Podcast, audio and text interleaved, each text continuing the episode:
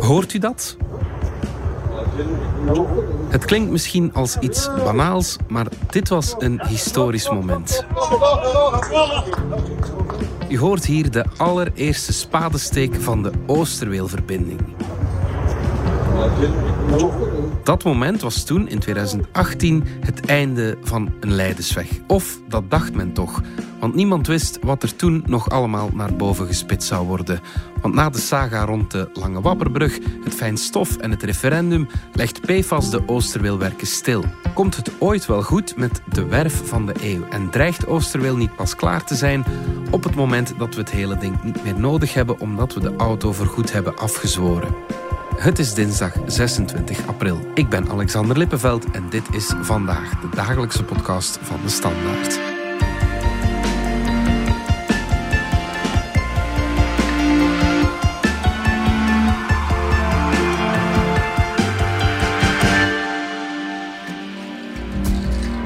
Vandaag beginnen die werken eindelijk. Het leek onmogelijk, alles zat strop, conflicten, rechtbanken, alles en nog wat. En die werken die starten effectief. Ik denk dat mensen het pas nu geloven als ze het zien dat het effectief gestart is. Dus daar naar leefbaarheid, mobiliteit voor onze stad uh, staan we voor ongelooflijke werken. We zullen nog een paar moeilijke jaren hebben, dat geef ik toe.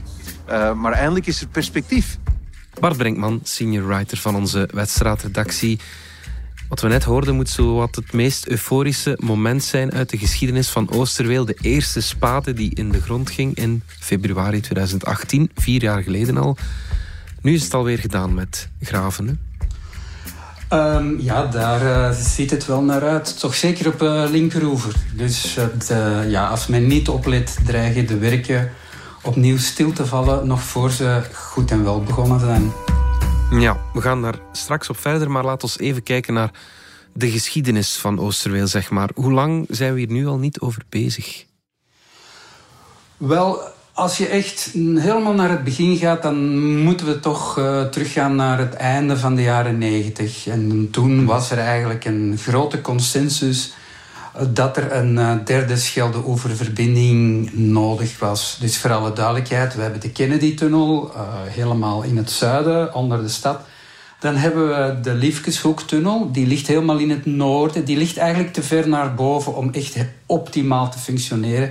En dus zou er een derde bij komen en dat zou bij voorkeur in het, in het noorden van de stad, maar net boven de stad uh, zou dat komen. En die zou dan kunnen uitkomen op linkeroever op de plek uh, waar de E17 en de expressweg bij elkaar komen. Ja, waarom is dat dan juist nodig? Waarom, waarom was die nood voor Oosterweler? Wel, het grootste probleem in Antwerpen is de Antwerpse ring. Uh, die wordt beschouwd als een niet robuuste snelweg. Uh, wat wordt daarmee bedoeld? Elke dag hoor je wel op de radio dat er files zijn op de Antwerpse ring in de twee richtingen aan de Kennedy-tunnel.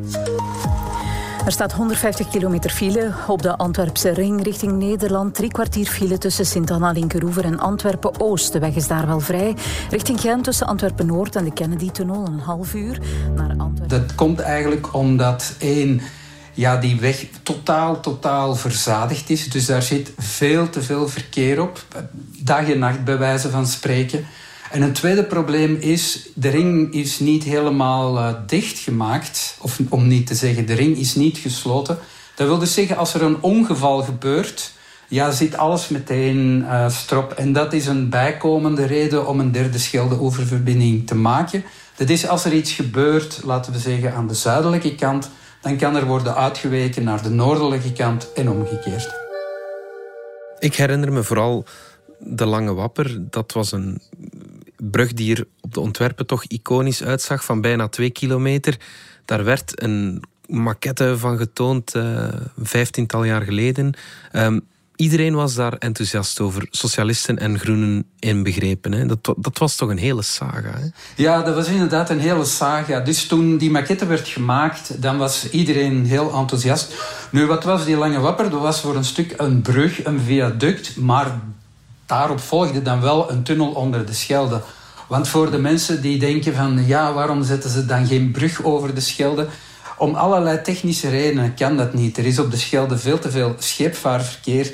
En een deel van, ja, zeker als je dat op een korte afstand zou moeten bouwen, dan zijn die hellingsgraden veel te groot en zou er geen enkele camion over geraken. Dus, dus dat is technisch onmogelijk. Maar goed, dat werd een saga. Dat kwam in een hele discussie over fijn stof. Uh, dat leidde tot een referendum. En bij dat referendum werd eigenlijk heel dat concept afgewezen. En is men opnieuw naar de tekentafel gegaan. En is men uiteindelijk uitgekomen bij een tunnel. Of beter gezegd, bij diverse tunnels. Ja, er was zelfs een intendant voor nodig om. Uh, er was inderdaad een intendant voor nodig. En eigenlijk heeft die intendant uh, de bakens echt wel verzet. Omdat ja, de hele situatie was verzand. Je had de overheid, je had de ambtenarij, je had de actiegroepen. Uh, voortdurend trok men naar de Raad van State, hè, vrij herkenbaar. Um, dus er waren voortdurend juridische problemen. Ehm, en de intendant is erin geslaagd om al die partijen samen te brengen.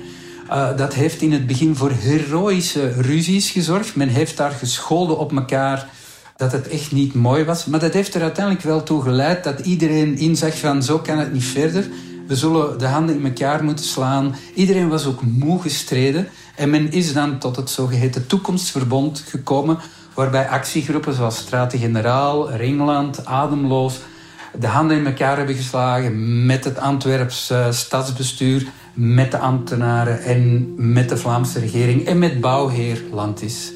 En dat heeft eigenlijk, ja, dat heeft denk ik een paar weken geleden hebben ze, een, hebben een vijfde verjaardag eh, gevierd. Dat heeft eigenlijk geleid tot witte broodsweken. Iedereen dacht, en nu zijn we vertrokken. Alleen moeten we nu vaststellen dat die wittebroodweken helaas uh, helemaal voorbij zijn. Ja, ja, ja. Een plan dat al meer dan twintig jaar meegaat, dat kost natuurlijk ook meer en meer. In welke grootorders van miljarden spreken we, spraken we toen en spreken we intussen van? Ja, maar het is, heel het is heel gevaarlijk om een vergelijking te maken, omdat het, het hele proces is totaal veranderd. Dus men, men kan op dit moment niet meer spreken van alleen maar een derde Schelde-oeververbinding. Daar zijn een hoop leefbaarheidsprojecten bijgekomen. Dus dat hele project is, is, veel, is veel groter geworden. Het gaat ook over aanpassingen van wegen in het noorden van de provincie en dat soort dingen meer. Maar op dit moment, als je alles samenneemt, dan praat je over 10 miljard gespreid over 10 tot 20 jaar. Dus dat is ontzettend veel geld. Een groot deel daarvan, laten we zeggen tot 4 miljard, uh, moet eigenlijk uh, opgeleverd worden door die tunnel, omdat dat een toltunnel wordt. Dus men gaat ervan uit, uh, 2030 zou alles moeten opengaan. Dan kan je tot bij wijze van spreken 2060 kan je toch wel een, een flink stuk uh, terugverdienen. En met dat geld, dat is dan toch, toch ook de bedoeling, kan er ook geïnvesteerd worden in, um, in openbaar vervoer. Want, en dat kan een beetje vreemd klinken, hè, hoewel dat er veel meer geld mee gemoeid is Uiteindelijk is het project wel gedownsized. Dus het is gebouwd om minder verkeer te ontvangen. En dat betekent dat, een, dat er echt een modal shift nodig is naar openbaar vervoer en naar de fiets. Of de files blijven gewoon, uh, of de files blijven gewoon staan. Dus er is wel een. Door het feit dat men wat gedownsized is, is er wel een incentive om mensen uit die files, uit die, van die Antwerpse ring te halen. Ja, mag ik dan even uh, advocaat van de duivel spelen, Bart? Waarom hebben we het dan nog nodig? Want het is toch om het fileprobleem op te lossen als we die. Dat is een heel terechte vraag. Gaan... Alleen zijn de files de dag van vandaag dermate groot dat je echt van een infarct kan spreken. Ik bedoel, Antwerpen haalt, denk ik, eh, Europese, de Europese top als het om files gaat. Dus er is echt een zodanig structureel probleem dat inderdaad met een bijkomende tunnel dat je zelfs dat structureel probleem niet helemaal kan oplossen. En dan zijn er natuurlijk mensen die zeggen, ja, maar als je het met die tunnel niet helemaal oplost, waarom bouw je dan die tunnel? Ja, omdat het probleem dan natuurlijk veel groter blijft. Dus het is eigenlijk ook maar een gedeeltelijke oplossing, omdat er zodanig veel verkeer is. En het zal waarschijnlijk voor een stuk ook niet verminderen, omdat nog plannen zijn om de haven uit te breiden. Dat zijn vooral containers. Een flink stuk van die containers moeten ook via de weg verdwijnen. Dus je hebt gewoon, of dat, je dat nu leuk vindt of niet, maar je hebt gewoon infrastructuur nodig. Anders kun je een aantal investeringen in de haven, die kun je dan wel doen, maar die hoef je dan eigenlijk niet meer te doen, omdat die, die containers die gaan er gewoon niet wegraken. Tuurlijk. Je zei het daarnet al, de witte broodsweken eh, in heel die coalitie zeg maar, van partijen die, die zijn voorbij. Wat is er gebeurd met het huwelijk? PFAS.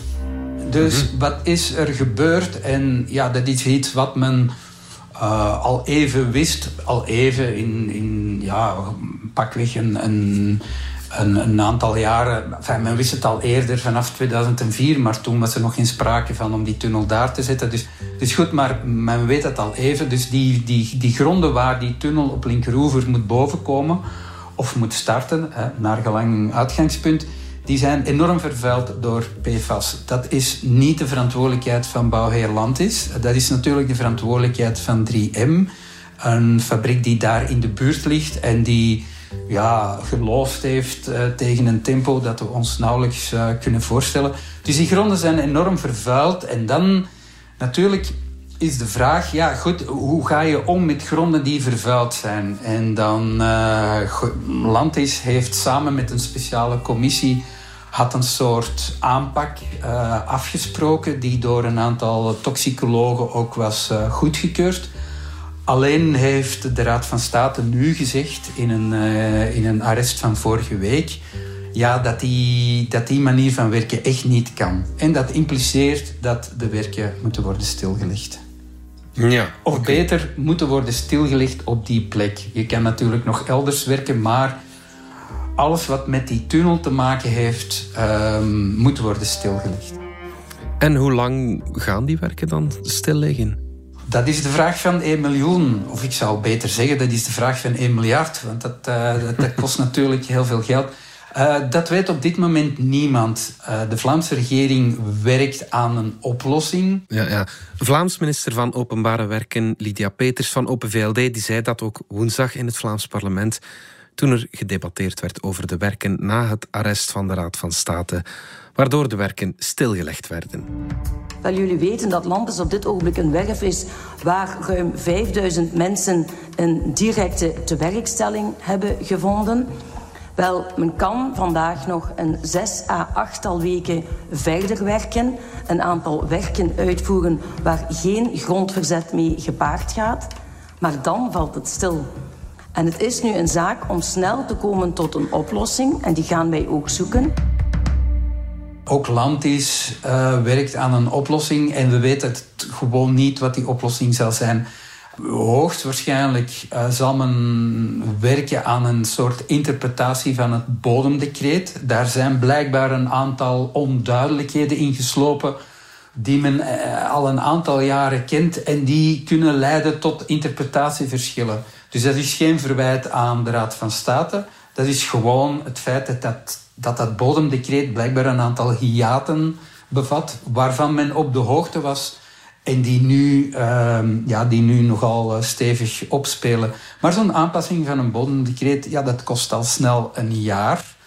Mhm. Men zou eventueel ook kunnen door het statuut van die van die, van die werkplek of het statuut van de zogeheten veiligheidsberm die zou worden aangelegd met vervuilde grond op de terreinen van 3M om dit statuut van een, van een stort te geven. Maar ook dat kost een jaar. En dan is het de vraag, wat doe je in tussentijd? En dus wordt er nu gekeken van, kan er worden verder gewerkt op een andere plek en beginnen de, de, de werken aan de tunnel gewoon een jaar later? Of kan dat niet? Dat klinkt allemaal wel als ja, de wet wat aanpassen aan de realiteit en ze nu eenmaal gebruiken zo, zoals het kan. Want die grond die, die blijft wel vervuild, of niet? Ja, nee, maar dat is, dat is een heel terecht punt. Uiteindelijk kan men twee dingen doen. Oftewel pas je de wet aan aan de realiteit, of het decreet beter. Oftewel pas je de realiteit aan aan het decreet. Dus je hebt mhm. twee wegen. De, de aanpak van, we maken er een officieel stort van... Uh, is eigenlijk de tweede optie. De eerste optie is het de aanpassing van het decreet. De vraag is natuurlijk, wat, wat, wat, hoe moet het verder? Want niks doen kan ook niet. Dus eigenlijk een van de opmerkingen van de Raad van State was ook... ja, als je met die grond bezig bent, kan je niet vermijden... of is er geen nul risico dat die vervuiling zich verder zet. Dat is een terechtpunt van de Raad van State. Maar niets doen bij die grond met die grond uh, impliceert net hetzelfde. Want het regent. Momenteel is het heel droog. Dus je hebt stofwolken en dat soort dingen meer. Dus dat verspreidt ook de vervuiling. Dus je hebt hoe dan ook een oplossing nodig. En uh, de oplossing van Landis bestond erin, we graven dat af, we stockeren dat met het oog op latere sanering.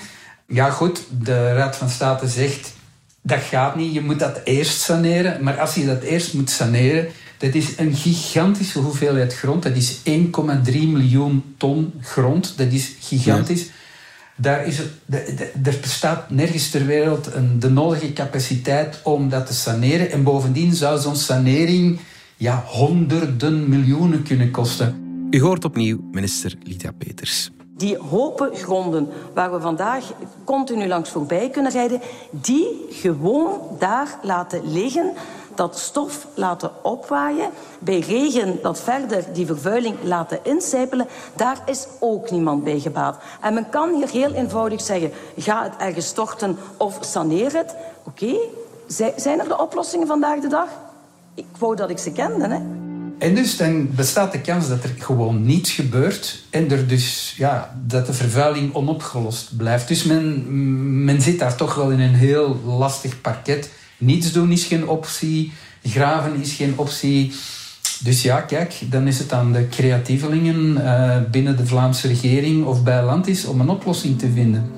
Dan wordt er gewoon op zijn Vlaams een bordje gezet hier zijn werken. En we, we, zien wel hoe lang dat bordje er staat. Maar dat risico, uh, dat risico uh, is, is reëel. En dan is de vraag of de samenleving daar ook mee geholpen is. Dan ben ik geneigd om te zeggen van dat is geen oplossing. Dan zullen we toch iets anders moeten gaan verzinnen. Ja, er gaan stemmen op om het hele project af te blazen wegens te duur. Verschillende experts eh, zeggen dat. En eigenlijk ook niet meer nodig, zeggen ze, als we met z'n allen minder auto-afhankelijk worden. En als die modal shift op een uh, gedegen manier gevoerd wordt. Ja, valt daar iets voor te zeggen?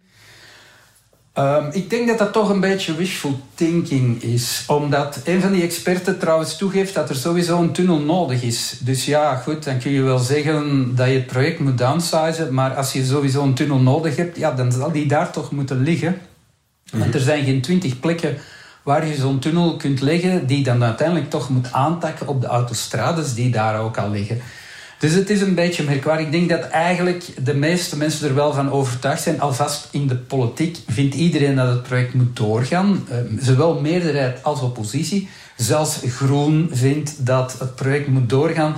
Dus ik denk dat er politiek nog altijd eensgezindheid is. En dat sommige experten gewoon wat willen opvallen met een stelling van misschien moeten we dat dan toch maar opdoeken.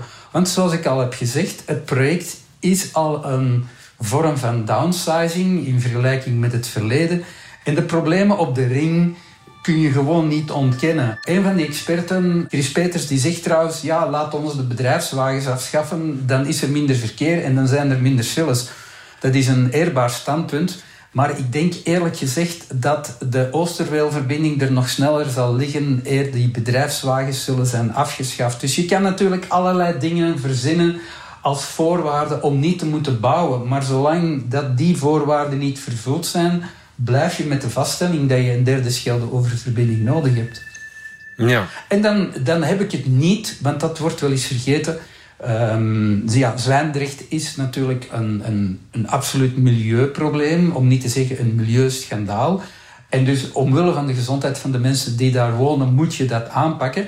Maar de gezondheid van de Antwerpenaar is natuurlijk ook iets waard. Dus er is momenteel door de files heel veel vervuiling in de stad. De, de, alle normen van fijnstof worden grandioos overschreden. Daar wordt niets aan gedaan. Dus Oosterweel gaat ook gepaard met leefbaarheidsprojecten in de zin van overkappingen, waardoor de, de geluidsoverlast. Ik woon in Borgerhout op een kleine kilometer van de ring. Ik hoor hier elke dag de ring bij bepaalde weersomstandigheden. Dan kun je de geluidsoverlast verminderen. Je, je, je creëert ook ruimte voor groen. Antwerpen heeft heel weinig groen, heel weinig parken. Dus er zijn, er zijn ook enorm veel gezondheidsvoordelen bij het hele Oosterweelproject. En ja, het zou een beetje gek zijn dat je zegt... Ja, oké, de gezondheid van de mensen in Zwijndrecht is veel waard... maar die van Antwerpen niet. Dus ik denk dat de twee uh, even belangrijk zijn en dat er ergens toch een manier moet worden gevonden om zowel de inwoners van, van Zwijndrecht als de inwoners van Antwerpen een betere omgeving te gunnen. Ja, Bart, ga jij het nog meemaken? Denk je dat uh, Oosterweler is? Wel, ik moet eerlijk zeggen, ik, um, ik ga het niet meer meemaken in mijn uh, actieve beroepsleven. Ik denk dat ik uh, al, al, al, al even met pensioen zal zijn vooraleer het ding er eigenlijk ligt. Ik moet ook toegeven, ik zal wellicht niet alle leefbaarheidsprojecten fysiek niet meer meemaken, omdat dat, dat is ook het werk van een generatie uh, die overkappingen en zo, we moeten daar eerlijk in zijn, dat gaat, dat gaat 20, 30 jaar duren. Tegen dan zijn we ja, 2050, 2060. Ja, dan ben ik 90 of zelfs bijna 100 jaar. Ik, uh, ik hoop het nog wel even te trekken, maar ik vrees dat het voor mijn kinderen en voor mijn kleinkinderen of zelfs achterkleinkinderen zal zijn. Bart Drinkman, dankjewel. Dit was vandaag de dagelijkse podcast van de Standaard. Bedankt voor het luisteren. Download de app DS Podcast of volg ons op Spotify, Apple Podcast of eender welk ander podcastplatform. Alle credits van de podcast die je net hoorde vind je op standaard.be-podcast. Reageren kan via podcast.standaard.be. Morgen zijn we opnieuw.